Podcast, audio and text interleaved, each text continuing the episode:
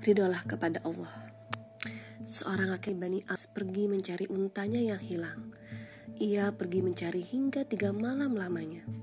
Laki-laki ini orang kaya. Allah memberikan banyak harta, unta, lembu, kambing, anak-anak laki-laki dan perempuan kepadanya. Harta dan keluarga ini tinggal di rumah yang besar, terletak di jalan raya di negeri Bani Abbas. Dalam keadaan nyaman, aman dan tentram, orang tua dan anak-anak tidak pernah berpikir bahwa bencana akan datang berkunjung kepada mereka, bahwa musibah mungkin saja akan menimpa mereka. Wahai orang yang tidur nyenyak di awal malam, sungguh bencana mungkin tiba di waktu sahur. Semua keluarga tidur pulas, baik yang besar maupun yang kecil. Mereka memiliki harta benda di bumi yang makmur, sedangkan ayah mereka pergi mencari unta yang hilang. Allah Subhanahu wa Ta'ala mengirim banjir bandang ke negeri mereka. Banjir besar yang tidak membiarkan sesuatu apa pun. Banjir itu membawa batu besar seperti membawa debu. Banjir itu tiba di penghujung malam, membinasakan mereka semua. Rumah mereka tercabut dari pondasinya. Banjir itu mengambil semua harta benda mereka. Demikian juga dengan keluarga mereka. Roh mereka tercabut bersama dengan gelombang air. Mereka hanya menjadi bekas-bekas, padahal sebelumnya mereka ada. Seakan-akan mereka tidak pernah ada. Mereka hanya tinggal peristiwa yang disebut di ujung lidah. Setelah tiga hari lamanya, sang ayah pun kembali ke lembah. Ia tidak merasakan ada orang dan ia tidak mendengar ada manusia. Tidak ada yang hidup, tidak ada yang berbicara dan tidak ada kehidupan. Tempat itu kosong. Sunyi, sepi, tidak ada istri, tidak ada anak, tidak ada unta, tidak ada kambing dan tidak ada lembu, tidak ada dirham, tidak ada dinar, tidak ada pakaian dan tidak ada apa pun. Itulah musibah. Musibah tambahan ketika untanya menjadi liar, ia berusaha untuk mendapatkannya. Ia menarik ekornya. Unta itu menendang dadanya, membutakan kedua matanya. Laki-laki itu berteriak di gurun pasir, berharap menemukan seseorang yang akan membawanya ke suatu tempat bernaung. Setelah beberapa saat sejak hari itu, seorang Arab Badui mendengarnya kemudian mendatanginya dan membawanya kepada Khalifah Al-Walid bin Abdul Malik di Damaskus yang memberitahukan berita itu. Khalifah bertanya, "Bagaimana engkau?" Ia menjawab, "Aku ridho kepada Allah."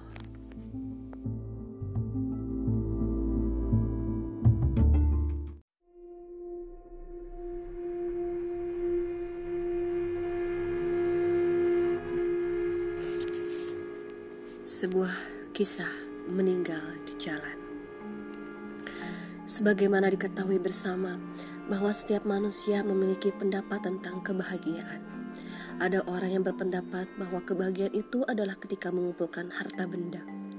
Ada yang berpendapat bahwa kebahagiaan itu ialah diperoleh ketika ia mendapatkan ijazah dan kedudukan yang tinggi. Ada yang merasa bahwa kebahagiaan itu ada ketika melakukan perbuatan keji. Ada pula yang merasa bahagia ketika minum khamar dan menggunakan narkoba.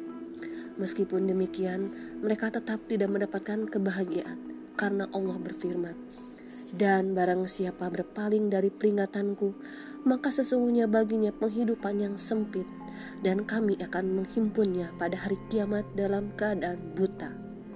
Berkatalah ia, Ya Tuhanku, mengapa engkau menghimpunkan aku dalam keadaan buta, padahal aku dahulunya adalah seorang yang melihat? Allah berfirman, Demikianlah, telah datang kepadamu ayat-ayat kami, maka kamu melupakannya, dan begitu pula pada hari ini kamu pun dilupakan. Dan demikianlah kami membalas orang yang melampaui batas dan tidak percaya kepada ayat-ayat Tuhannya. Dan sesungguhnya azab di akhirat itu lebih berat dan lebih kekal. Atoha ayat 124 sampai 127. Kebahagiaan yang sesungguhnya hanya ada di bawah naungan iman dan tauhid. Allah berfirman, Barang siapa yang mengerjakan amal soleh, baik laki-laki maupun perempuan dalam keadaan beriman, maka sesungguhnya akan kami berikan kepadanya kehidupan yang baik dan sesungguhnya akan kami beri balasan kepada mereka dengan pahala yang lebih baik dari apa yang telah mereka kerjakan. An-Nahl ayat 97. Yang penting, masalah mencari kebahagiaan itulah yang menyebabkan tiga orang pemuda berangkat dari Jeddah menuju Madinah pada 10 hari terakhir bulan Ramadan. Akan tetapi mereka pergi ke Madinah bukan untuk mendapatkan Lailatul Qadar di Masjid Nabawi atau untuk membaca Al-Quran dan melaksanakan Qiyamul Tidak, sekali-kali tidak. Mereka pergi ke Madinah untuk mengikuti pesta nyanyian di salah satu hotel. Setelah selesai mengikuti pesta nyanyian menjelang sholat subuh, mereka mendengar suara muazin mengumandangkan hari yang baru di bulan Ramadan. Semua umat manusia memulai puasa, akan tetapi mereka bertiga tidak berpuasa. Ketika mereka akan kembali ke Jeddah, salah seorang di antara mereka bertiga berkata dengan bercanda, Apakah kita akan sholat subuh sebelum meninggalkan Madinah? Mereka menjawab, tidak, kita tidak akan sholat. Mereka pun melanjutkan perjalanan dengan mengendarai mobil. Mereka tidak sadar bahwa malaikat maut sedang menanti mereka. Tiba-tiba, mobil mereka terbalik dalam sebuah tabrakan mengerikan. Diberitakan bahwa kecelakaan tersebut menyebabkan kematian dua orang setelah menghadiri pesta nyanyian. Mereka tidak sholat dan tidak berpuasa. Mereka mengatakan dengan jelas, "Tidak, kita tidak akan sholat." Satu di antara mereka selamat karena karunia Allah. Peristiwa itulah yang menyebabkannya bertaubat.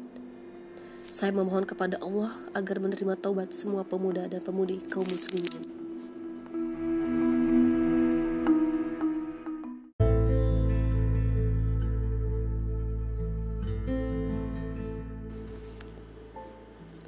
Ungkapan Imam Ash-Syafi'i ketika sakit menjelang kematian. Al-Muzani berkata, saya menemui Imam Ash-Syafi'i ketika beliau sakit menjelang kematiannya. Saya katakan kepadanya, Wahai Abu Abdillah, bagaimana keadaanmu? Beliau mengangkat kepalanya seraya berkata, Aku akan pergi meninggalkan dunia, akan meninggalkan saudara-saudaraku, akan bertemu dengan perbuatan jelekku, akan kembali kepada Allah. Aku tidak tahu apakah ruhku akan ke surga hingga aku mengucapkan selamat kepadanya, atau ke neraka hingga aku mengucapkan duka cita kepadanya. Kemudian Imam Asyafi menangis sambil bersyair.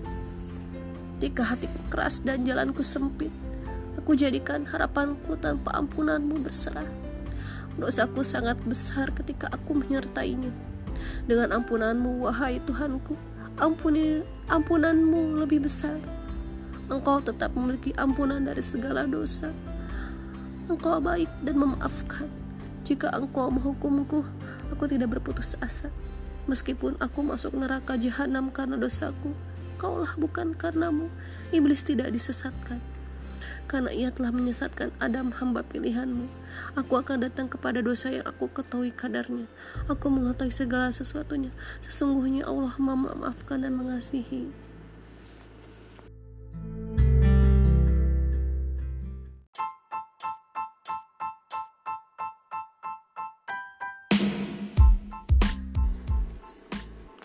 Hati-hatilah terhadap adu domba. Diriwayatkan bahwa ada seorang laki-laki melihat seorang hamba sahaya dijual. Hamba sahaya itu tidak memiliki kekurangan, hanya saja ia suka mengadu domba. Ia menganggap kekurangan hamba sahaya itu sebagai sesuatu yang ringan, maka ia membeli hamba sahaya itu. Hamba sahaya itu berada padanya selama beberapa hari. Kemudian hamba sahaya itu berkata kepada istri tuannya, "Tuanku ingin menikah lagi. Ia tidak mencintaimu. Jika engkau mau agar ia bersikap lembut kepadamu dan meninggalkan niatnya, ketika ia tidur, maka ambillah pisau silet. Kemudian cukurlah beberapa helai jenggotnya, lalu simpanlah. Istri tuannya itu mau melaksanakannya. Ia telah bertekad untuk melakukannya ketika suaminya tidur. Kemudian hamba sahaya itu datang kepada tuannya seraya berkata, Sesungguhnya istri tuanku telah berselingkuh. Ia ingin melepaskan diri darimu, wahai Tuhanku.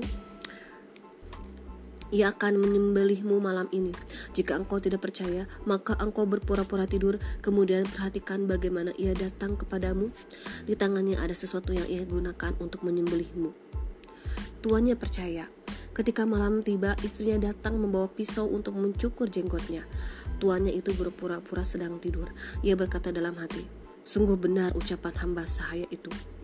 Ketika pisau itu telah diketakkan di lehernya, ia bangun dan mengambil pisau itu. Kemudian ia menyembelih istrinya dengan pisau itu. Maka keluarga istrinya pun datang. Mereka dapati saudari perempuan mereka telah meninggal dunia. Lalu mereka membunuhnya. Terjadi peperangan antara dua kelompok disebabkan kejahatan hamba sahaya yang gemar mengadu domba tersebut. Rasulullah SAW bersabda dalam kitab Sahih Al-Bukhari dan Sahih Muslim, orang yang mengadu domba tidak akan masuk surga. Diriwayatkan dari Ibnu Abbas Rasulullah melewati dua kubur. Beliau berkata sebagaimana yang disebutkan dalam kitab Sahih Al-Bukhari dan Sahih Muslim. Mereka berdua diazab. Mereka berdua diazab bukan karena dosa besar, akan tetapi itu sesuatu yang besar. Salah seorang di antara mereka gemar mengadu domba, sedangkan yang kedua tidak menutupi dirinya ketika buang air kecil. Wahai saudaraku, Berhati-hatilah janganlah melakukan adu domba Karena sesungguhnya adu domba itu salah satu penyebab azab kubur Dan di antara salah satu azab atau sebab yang menyebabkan seseorang tidak masuk ke dalam surga Allah subhanahu wa ta'ala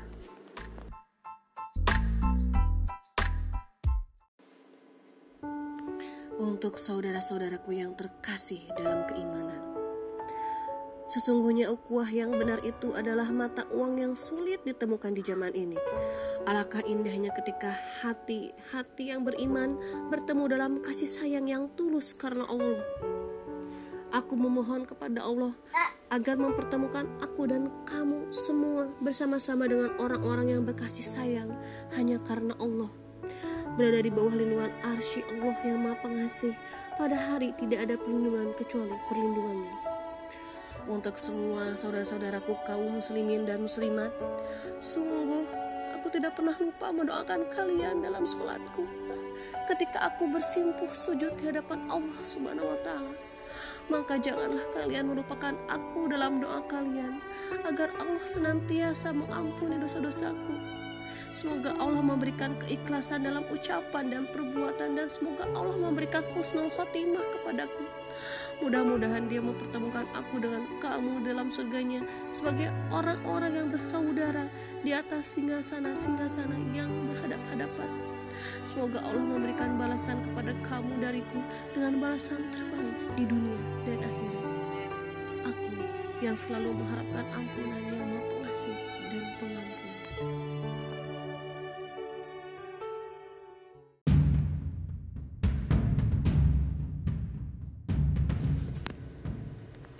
Kisah masuk Islamnya Hurmuzan Ketika Hurmuzan diserahkan kepada Umar bin Al-Khattab sebagai tawanan, maka dikatakan kepada Umar, Wahai Amirul Mukminin, ini adalah pemimpin non-Arab, teman Rustum. Umar berkata kepadanya, Aku tawarkan Islam kepadamu sebagai nasihat untukmu, segera ataupun nanti. Hurmuzan berkata, Aku meyakini agamaku, aku tidak mau masuk Islam karena takut. Umar lalu meminta dibawakan pedang. Ketika Umar akan membunuhnya, ia berkata, "Wahai Amirul Mukminin, seteguk air lebih baik daripada terbunuh dalam keadaan haus." Umar memerintahkan agar ia diberi minuman. Ketika Humojan mengambilnya, ia berkata, "Wahai Amirul Mukminin, aku dalam keadaan aman hingga aku meminumnya." Umar berkata, "Ya." Kemudian Humujan membuang air itu. Lalu ia berkata, mesti memenuhi janji wahai Amirul Mukminin, itulah cahaya yang cerah.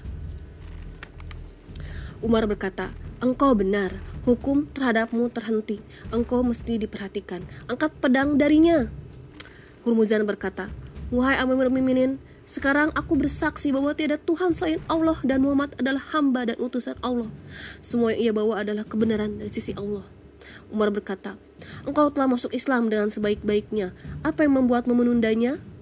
Rumuzan berkata, Aku tidak mau aku disangka masuk Islam karena takut pedang. Umar berkata, Sesungguhnya orang-orang Persia itu memiliki akal yang layak mereka miliki sebagai raja. Umar memerintahkan agar berbuat baik kepadanya dan ia dimuliakan.